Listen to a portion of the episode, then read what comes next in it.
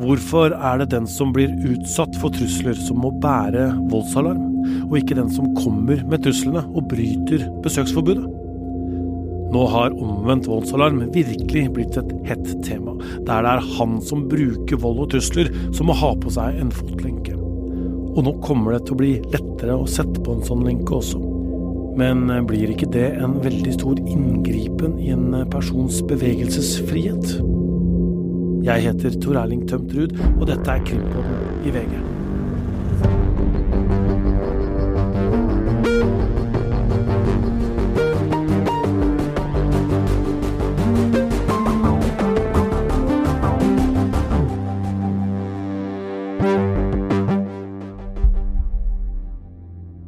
Det er flest kvinner som lever under en trussel om vold fra menn. Og produsent i Krimpodden, Vilde Våren, er på vei for å få vite mer om hvordan det er å leve med en voldsalarm. Og da lurer jeg jo selvfølgelig på hvordan påvirker dette livene deres? Kvinnene hun snakker med i forbindelse med denne episoden, lever med kontakt- og besøksforbud og voldsalarm. De tør ikke snakke i podkasten i frykt for å bli gjenkjent. Vilde skal gjenfortelle noe av det de har sagt til oss. Hva er det de forteller deg? Først og fremst så forteller de jo om frykt og mye skam ved å leve med voldsalarm. De forteller jo om en hverdag som er sterkt preget av at de må ta mange forholdsregler. Som i mange andre saker så er det jo altså samlivsbrudd som er den bakenforliggende årsaken til dette her.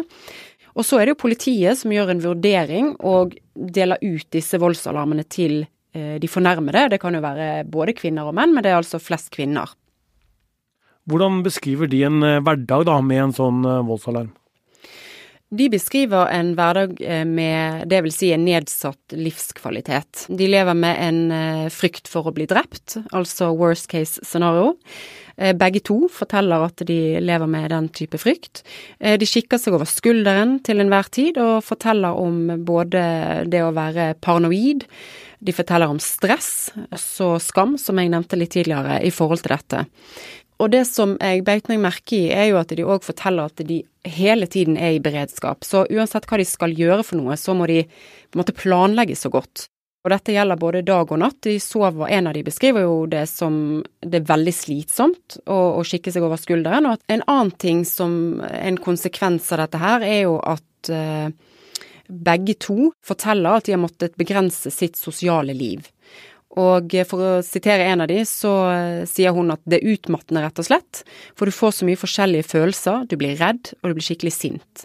Du blir sint på hele situasjonen, du blir sint på vedkommende, det er jo en hverdag med veldig mange eh, stressende følelser. Og så lever du med den alarmen, da, som skal være en trygghet, men du får jo ikke den friheten til å bevege deg fritt, da, for du veit jo aldri hva som skjer. Ja, det er jo riktig, sant. Og, og, en av de forteller jo at hun ikke går på tur alene ute når det er mørkt. Tenk da nå når det er mørketid at uh, du og jeg ikke hadde turt å, gå ute. Det er jo uh, veldig begrensende.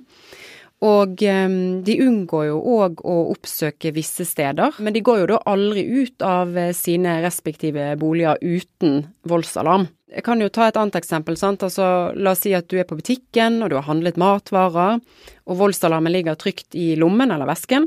Så kommer du hjem, og så legger du fra deg voldsalarmen mens du pakker ut varene på kjøkkenet, og så oppdager du at du har glemt å kjøpe brød.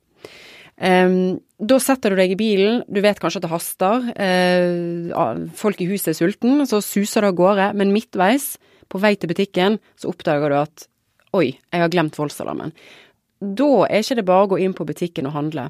Da må du tilbake igjen, hente voldsalarmen, og så handler du.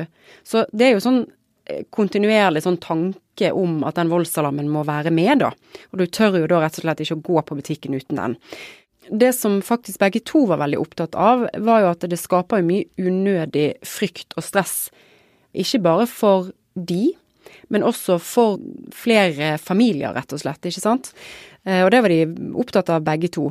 Det kan være til og med hele samfunn som blir påvirket av at noen må gå med voldsalarm, ikke sant. Potensielle barn kan bli påvirket av det, vokst, andre voksne, naboer, lærere, kollegaer osv. Så, så de var jo opptatt av at dette er jo et eh, samfunnsproblem.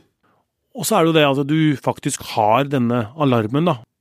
Hva sier de om å måtte bruke den? Før jeg svarer på det spørsmålet, så kan jeg jo bare forklare hvordan um, en voldsalarm ser ut, og at du får jo en voldsalarm dersom du er eller har vært utsatt for trusler og eller vold. Og en søknad om dette skal jo da rettes til ditt lokale politikammer, og man trenger jo eh, ikke å anmelde voldsutøver for å få alarm. Det er jo en eh, avgjørelse som på en måte politiet tar. Men en voldsalarm ser ut som en vanlig smarttelefon, og midt på skjermen så er det en stor rød knapp på denne touchscreenen. Um, og der skal man altså trykke og holde knappen inne i tre sekunder, som jeg har forstått, og da ringer man automatisk til politiet. Så er det sånn at hvis man først aktiverer den, så går det ikke an å slå den av. Det er vel sikkert for å hindre da at den andre parten eh, som eventuelt oppsøker deg, da får tak i, i eh, telefonen og kan kutte kontakten med politiet. Men tilbake til spørsmålet ditt om hva de sjøl sier om det å bruke og måtte gå med voldsalarm, så sier jo en av de at dette er ikke noen magisk knapp. Selv om hun mener at det er enklere å trykke på voldsalarmen enn å ta opp en iPhone og ringe nødnummeret, så mener hun at det uansett vil ta like lang tid for politiet å rykke ut. Så er det det andre, og det er det at det er en del sånne praktiske ting som er en tilleggsbelastning ved å måtte ha en voldsalarm. Du må jo alltid ha den med deg. Du kan jo tenke deg sjøl når du glemmer telefonen din. Ah, stress, ikke sant. Eh, så skal du i tillegg passe på en voldsalarm og alt annet som du skal ha med deg. Og så må du òg passe på at han er fulladet, og at han ikke minst da er lett tilgjengelig hvis det skulle oppstå en situasjon, da. Og så er det òg en sånn ting som jeg ikke hadde tenkt så mye på, sant, men plutselig så ser jo noen andre at oi, hvorfor har du to telefoner? Mm. Sant? Da må du begynne å, å, å lyge, sant, mm. kanskje hvis ikke du har lyst til å fortelle det. Nei, det er en jobbtelefon og ja. Så det er en del sånne ting òg. Mm, så er det jo todelt dette her, for selv om de beskriver at de ikke føler seg trygge med voldsalarm, så føler de jo seg heller ikke trygge uten voldsalarm. Så det er jo litt sånn vanskelig Det er litt vanskelig å beskrive det, sant, for det er en, en liten trygghet i det de opplever som er veldig utrygt. Jeg kan jo sitere en av de igjen, da, og, og hun sier at du føler liksom at du er midt i skuddlinja hvis du ikke har han. Vi skal høre mer om disse kvinnene mot slutten av episoden. Denne måneden var det flere drap i Norge som eh, særlig satte i gang en diskusjon om partnerdrap, voldsalarm og omvendt voldsalarm. I et industriområde i Øygarden utafor Bergen ble det funnet en brennende stasjonsvogn i starten av januar. Inne i bagasjerommet fant politiet levninger etter et menneske. Det viste seg å være tobarnsmoren Tina Milena Solberg, 33 år gammel. Vitner fortalte politiet at de så en mann gående ut av området der den brennende bilen ble funnet. Politiet fant mannen som passa beskrivelsen de hadde fått, og pågrep ham. Mannen var ekssamboeren til kvinnen som lå død i bagasjerommet. Flere detaljer kom. Solberg blei nemlig gitt voldsalarm i juni i 2023. Mannen som ble pågrepet, er tidligere straffedømt for trusler mot en annen kvinne. Bergens Tidende skriver at politiet tidligere har etterforska fire saker som handler om denne mannen og Solberg. Voldsalarmen blei ikke utløst i forbindelse med dette drapet, og seinere tilsto ekssamboeren at han hadde drept henne. Også i et annet drap blei voldsalarm et tema. 30 år gamle Rahavi Varatarayan ble funnet skutt og drept i baksetet på en bil på en parkeringsplass i Elverum. Mannen som er sikta for drapet, og Varatarayan, hadde data fra desember 2022 til april i fjor. Hun avslutta kontakten med ham, men følte seg trua av mannen, har familien hennes fortalt. Mannen var ilagt et besøksforbud og hadde ikke lov til å ta kontakt med henne. Likevel skal han flere ganger tidligere ha brutt besøksforbudet. Hun hadde bedt politiet om voldsalarm fordi hun var redd. Dette fikk hun ikke. Og nå skal Spesialenheten iverksette etterforskning mot Oslo politidistrikt. De skal se på om politiet brøyt sin beskyttelsesplikt overfor henne.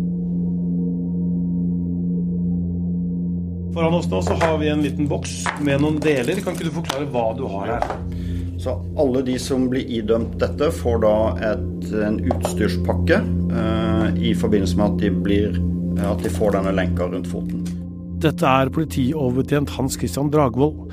Dragvold har det faglige ansvaret for omvendt voldsalarm i Øst politidistrikt, og har også en nasjonal veilederrolle. Han viser meg hvordan den omvendte voldsalarmen lades og brukes. Og denne lenka, da, kan du beskrive den? Den er rund. Den kommer i fire størrelser. Eh, sånn at man kan tilpasse litt hva man ønsker, og at eh, det er ganske stor forskjell i ankler, rett og slett, har jeg funnet ut. Sånn at noen har small, som er det minste man kan få, helt opp til XL, som er ganske store, da. Eh, så da bruker man det, og så veier den ca. 180 gram. Ja, Det er jo ikke stort mer som en klokke, liksom. Nei, og det, jeg tror en iPhone veier 180 gram. Så det er det samme som man bærer i lomma, som man da bare må ha rundt foten. Eh, og den er liksom delt i to deler, to halvsirkler, eh, for å si det sånn. Og da kan man hekte den sammen um, og låse den. Og da låser den seg sjøl ved at man presser den sammen. Da har man satt den rundt ankelen. Skal jeg låse den nå? Jeg gjør det. Ja. Eh, da må man passe på at den sitter i bakkant, og så eh, presser man den sammen foran. Og dette må da gjøres rundt ankelen eh, til en person eh, når vi setter det på. Og så nå blinker det Nå blinker det ett grønt lys. Det betyr at den har liksom satt i gang prosessen. Og da skal den, eh, det skal komme tre lys og et lite pip som bare bekrefter at den har gått i lås. Den kan også vibrere av og til litt når den holder på. Da kommer det tre lys, og da skal det snart komme et klikk, eller et pip, og da er lenka låst. Men den kan du sove med og dusje Den og må du gjøre alt som du gjør vanlig. Jeg har prøvd den sjøl i 14 dager for å se, Eh, og det var litt uvant å sove med den i begynnelsen fordi at du har noe rundt foten, men etter noen dager så, så ja, merka jeg ikke veldig godt at jeg hadde den rundt foten. Hvordan er dette her inngrepen i et, eh, i et liv? Eh, For det første er det jo en fysisk ting som da settes rundt eh, foten din, som du er nødt til å gå med, og som du må lade hver, hvert døgn cirka. Og i tillegg så må man forholde seg til i hvert fall ett område, og kanskje flere områder, hvor man ikke får lov å oppholde seg. Så det, man merker det jo både fysisk, og, og man merker også eh, på hvor man får lov å dra. Og så er det noen utfordringer i forhold til det å måtte fly osv. som gjør at det blir eh, Ja, man må gjøre noen grep før man kan gjøre det, i motsetning til før hvor man kunne gjøre akkurat det man ville, akkurat når man ville, uten at man involverte noen andre. Og så er det dette med ja, menneskerettighetene som, som eh, domstolen vurderer oppi, opp imot dette, om, om det er ivaretatt, og om det er riktig. Og så på den andre siden så skal dette veies opp mot eh, eh, det behovet fornærmede har for vern. da. Ikke sant? Alle skal be kunne beskyttes og leve et liv uten å, å risikere å bli utsatt for eh, ja, kriminelle handlinger. da. Eh, så det må jo vurderes opp imot det behovet, og så må man si at eh, det veier tyngre enn f.eks. Eh, retten til å eh, kunne bevege seg helt fritt og ikke ha en fysisk ting som man må følge opp på kroppen. da. Hvordan bestemmer man eh, hvor man kan bevege seg? Eh, Da tar man utgangspunkt i oftest der fornærmede bor, eh, for det er jo der man oppholder seg mest. Og så eh, er tanken at politiet skal kunne, ved en alarm, da, hvis noen prøver å oppsøke en person innenfor det vi kaller en forbudssone, som er dette området, så eh, skal politiet i utgangspunktet ha så eh, nok tid til at de først kan ivareta fornærmede, før man eventuelt prøver å stoppe en, en gjerningsmann. Så da eh, blir det jo eh, litt forskjellig hvor i landet dette er. For noen steder så er det jo eh, større avstander, men på Østlandet så har man eh, landa på en kjøretid oftest på 25 minutter. Så man beregner da 25 minutter kjøretid fra fornærmedes bopel og ut i ytterkant. Og så lager man da en sone rundt her som eh, lenka da vil eh, lese i systemet og skjønne når den beveger seg inn. eh, i, og da vil det gå en alarm hos politiet som kan iverksette tiltak. 25 minutter, det er jo en to-tre mil, da. Ja, så, og det er avhengig av litt av veiene. ikke sant? Man har da E18 og E6 gjennom store deler av Østlandet. Eh, andre steder så er det kanskje mer grisgrendt. Da vil kanskje bli eh, noe annerledes. Eh, og hvis man bor i Oslo, så vil man stort sett alltid få hele Oslo med litt rundt. Sånn at det blir ja, det blir jo store områder, og så kommer an på konsekvensen om man bor i det området hvis man blir idømt dette og må flytte, eller om man bor et annet sted, og det blir hvis man skal måtte dra til stedet, da. Så det varierer veldig hvor stor inngripen det blir i forhold til hvor man bor i forhold til hverandre i disse sakene. Og da vil det vel nesten ikke være mulig å bli brukt i Oslo, hvis begge parter bor i Oslo? Eh, det har blitt brukt i Oslo, men da må eh, den som blir idømt dette, flytte ut av Oslo i den perioden man blir idømt eh, omvendt voldsalarm.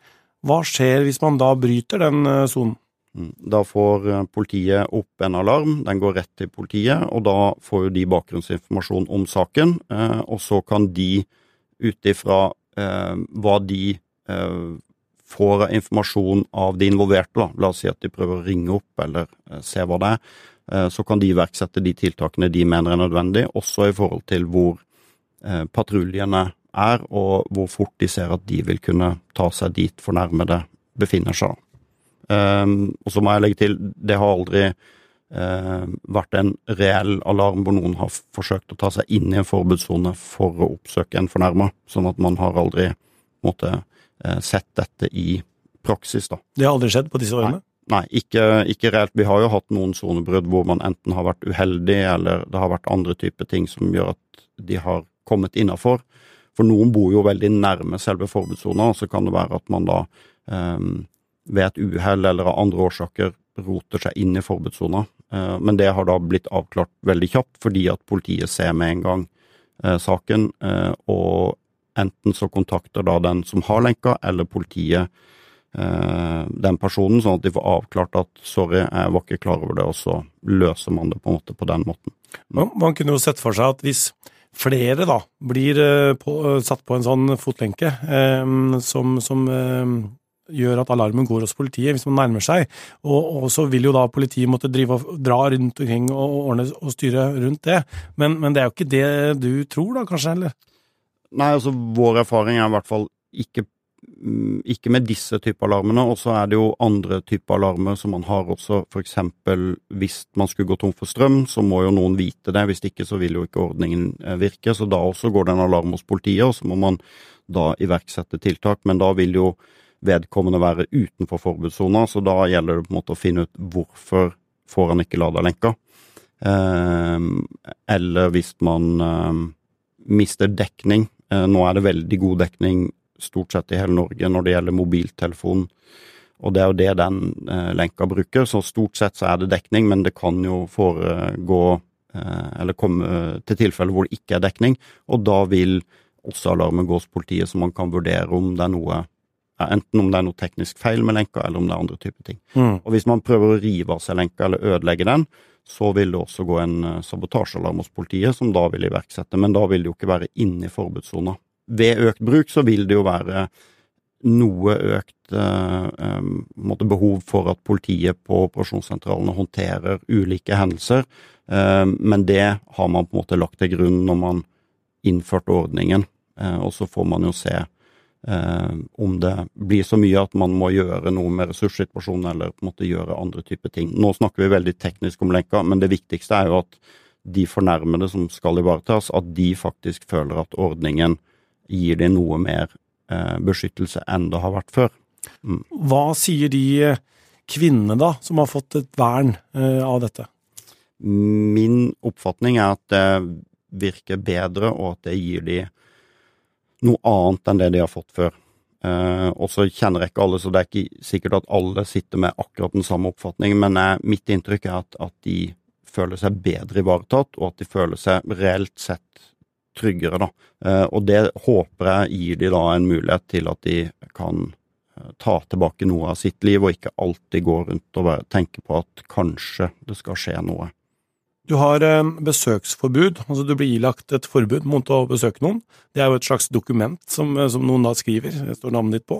Og så har du da denne voldsalarmen som kvinnene stort sett blir utstyrt med, hvor det, det er en mobiltelefon hvor de trykker på en knapp, og så går alarmen hos politiet. Eh, og så sier du at dere har ikke hatt noen utrykninger for å på en måte mm, redde noen ved en omvendt voldsalarm. Da er det jo på en måte Hvilke preventive ting er det som, som på en måte spiller inn, som gjør at det blir hindra? Ja, rent fysisk er det at du går med en fotlenke som man vet eh, gir beskjed til politiet umiddelbart hvis man ikke forholder seg til det området man skal være inn, utenfor, unnskyld, eh, eller at ikke du lader. Sånn at man blir jo nødt til å forholde seg til det på en annen måte enn et dokument som sier at du får ikke lov til å ta noe som helst kontakt, f.eks. for eksempel. Så, så det gir jo en helt annen mulighet eh, for politiet å følge opp og faktisk påse at eh, ordningen virker som den skal, da. Mm. Hva sier de som har fått en sånn lenke på seg? De aller fleste er nok ganske klare på at de ikke vil ha det igjen, sånn i utgangspunktet. Sånn at selve ordningen eh, virker forebyggende fordi man skjønner at eh, dette er reelt og det vil skje. Eh, forhåpentligvis så får vi det til oftere nå. Ehm, og eh, det har også vært noen som har sagt at det gir de på en måte en annen struktur. Og så tror jeg også at ehm, den oppfølgingen de får av politiet, som er noe annet enn det man får hvis man bare er ilagt et besøksforbud, også gir de Eh, nå måte støtte et annet syn på politiet enn det de kanskje har hatt før, hvor de møter eh, måte flere personer og kanskje ikke ja, De føler kanskje at de blir utsatt for urettferdige ting, og så er det lettere å eh, forholde seg til den oppfølging man får med en omvendt voldsalarm, da, som gjør at man eh, ja, retter seg mer etter det forbudet man da har, når man har tatt av Eh, den omvendte voldsalarmen. For da vil det jo ofte være et kontaktforbud, eh, som er da rettens eh, besøksforbud, da, som vil gjelde en tid etter at selve den elektroniske kontrollen omvendte voldsalarmen er tatt av. Mm. Vi har snakka om omvendt voldsalarm flere ganger i Krimpodden når det har vært hendelser hvor det har vært diskutert, men jeg har vel aldri opplevd at diskusjonen er så stor og omfattende som nå. Uh, hva tror du blir konsekvensen av det?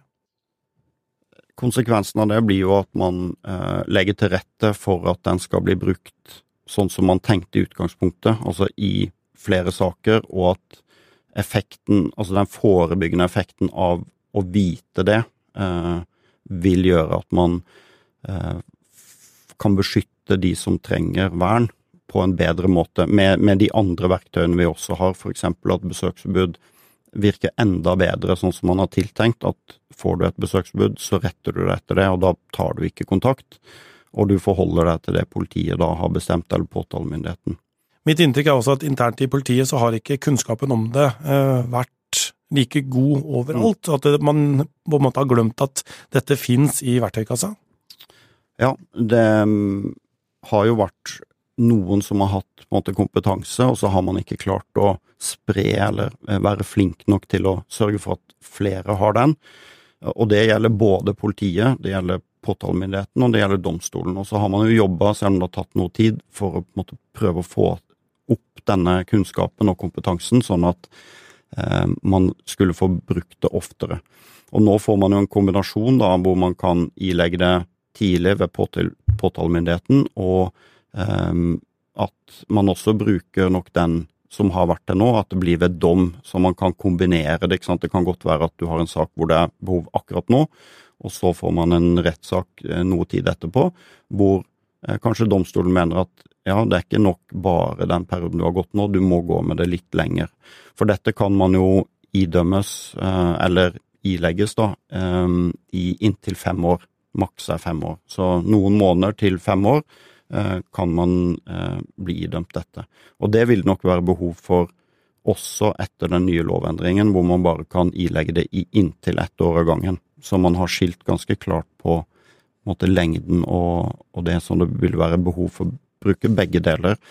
Um, og det vil jo forhåpentligvis gi bedre vern, og um, at det blir vurdert, i hvert fall, brukt mye oftere enn i dag. Hva er kriteriene for å få ilagt en sånn? Ehm, det er jo straffeloven per nå som styrer det, og så blir det straffeprosessloven som, som vil um, styre dette i forhold til um, påtalemyndigheten. Og de vilkårene er ganske like. Det må være nødvendig. Eh, og så må det være Man må være egnet, så det må være en vurdering av det. Og så er det dette med forholdsmessigheten. Og nå er ikke jeg jurist, altså jeg må bare få sagt det. Jeg er jo eh, politiutdanna og har ansvaret for, for den biten. Så, eh, men det er i hvert fall de vilkårene som skal da vurderes av påtalemyndigheten eller domstolen eh, når man har eh, en sak som er aktuell for dette. Så må de gå inn og bruke den informasjonen som finnes i saken, og hva de involverte partene sier, og så må man finne ut om om det da er nødvendig eh, med noe mer enn et, bare et kontaktforbud eller besøksforbud, eh, og om, hva, om det er forholdsmessig i forhold til de involverte partene. og Da må jo man passe på at man vurderer ulempene man eh, ilegger den ene personen, om, eh, om det er tyngre enn eh, hos den fornærmede sitt behov for vern, og hvilke ulemper, på en måte, hvis man ikke idømmer det, gir det fornærmede. Vi hadde drapsforsker Vibeke Ottesen i eh, studio, og hun var ganske klar på at eh, vi kunne ikke la omvendt voldsalarm være en sovepute eller en hvilepute. Hun var veldig for at det ble brukt mer, men at uh, på en måte den som da blir ilagt dette, også må bli ivaretatt med tanke på psykisk helse osv. Hva er dine tanker rundt det? Det vil jeg jo si er viktig, og det som er en av fordelene, en annen fordel med den ordningen, er jo at man eh, når man blir dømte, så skal politiet ha en fast kontaktperson til de involverte, som eh, skal gjøre det mulig for de å få måtte, bistand. Eh, først og fremst opp imot selve fotlenka, eller hvis det er spesielle ting. For eksempel hvis eh, en som går med fotlenke, da må på sykehus, og man må ta av fotlenka, så må jo de kunne få tak i noen som kan ordne dette. Og da har man eh, sett at man bør ha faste folk som kjenner de involverte, sånn at det er lettere å få tak i dem, men også at man slipper å forklare alt en gang til, eller at det blir, eh, blir andre sånne utfordringer. Eh, og da vil man også ha muligheten til å på en måte støtte de hvis de ønsker å få hjelp, og det tror jeg er viktig at man man klarer veldig sjelden å tvinge noen til å ta imot hjelp, men det å liksom si at hvis du ønsker det, så er muligheten der. Og det har jo vi muligheten til, og vi kan ha kontakter rundt omkring som kan gjøre det lettere, hvis de ønsker det. Og så er det viktig å ivareta den fornærmede, sånn at de også får en oppfølging til at de skal da um, føle seg reelt sett tryggere når man tar av selve fotlenka, for det tror jeg også er kjempeviktig.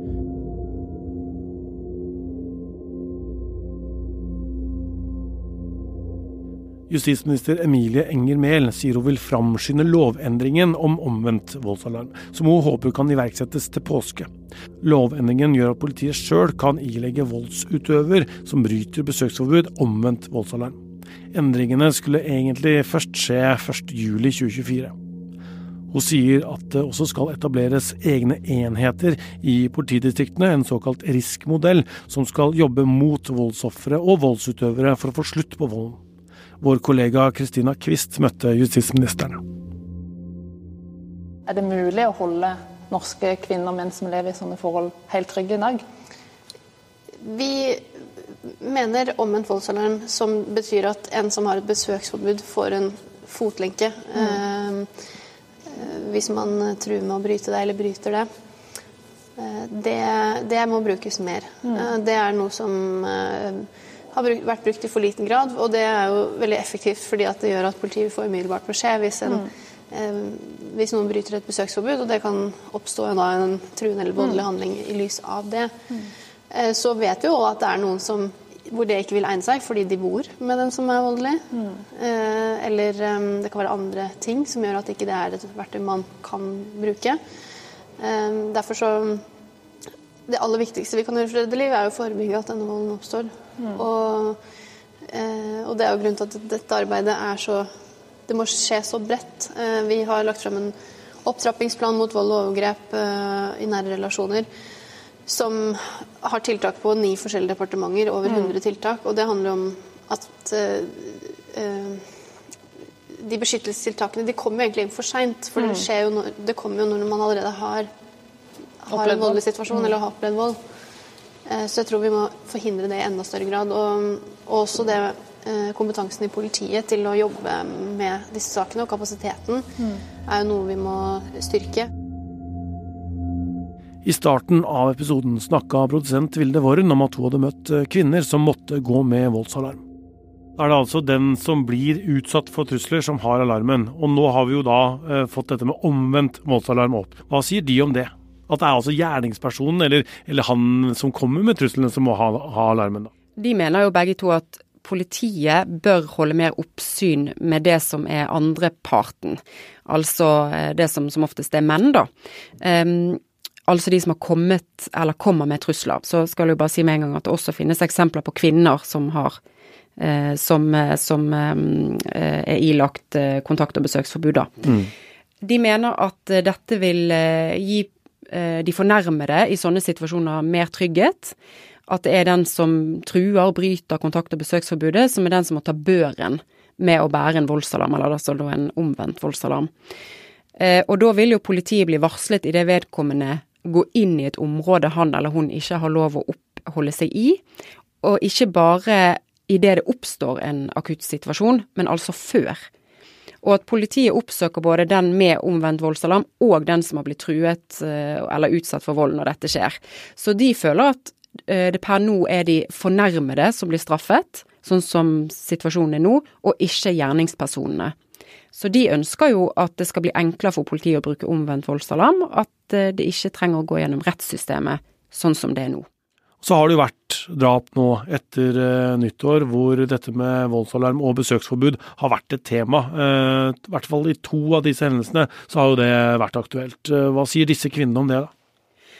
De forteller begge to at de ble veldig redde når de så disse nyhetene om, om de drapene, eh, særlig disse partnerdrapene. Og en av de sier det at eh, hun tenkte veldig på hva disse kvinnene har tenkt de siste minuttene av sitt liv, og hvordan de har hatt det før de døde eller ble drept. da. Og eh, de har blitt ganske oppskaket av dette her, og forteller at ok, der gikk det over streken for den kvinnen kan det være meg neste gang? Så sier det jo til meg at de håper jo på å være med på å endre situasjonen til kvinner som lever med voldsalarm, ved å faktisk fortelle hvordan det er. Og de mener jo òg at politiet bør få mer ressurser til å forebygge og jobbe med denne typen saker, og som jeg sa i sted, dette med omvendt voldsalarm, at det må tas mer i bruk. De er òg veldig opptatt av at det må være de som truer, Eh, som må ta konsekvensen av sin egen oppførsel. Det kan ikke være de som blir utsatt for dette, som fornærmer det, som må endre hele sitt liv og sin væremåte og, og, og få nedsatt livskvalitet, som skal lide.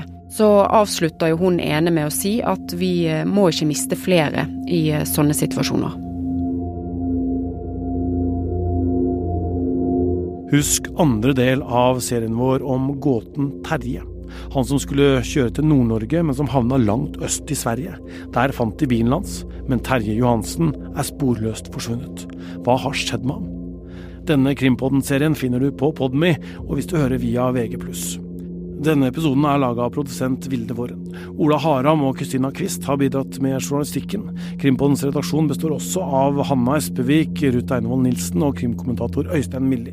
Nyhetssjef er Emilie Hall Torp, og jeg heter Tor Erling Tømmer.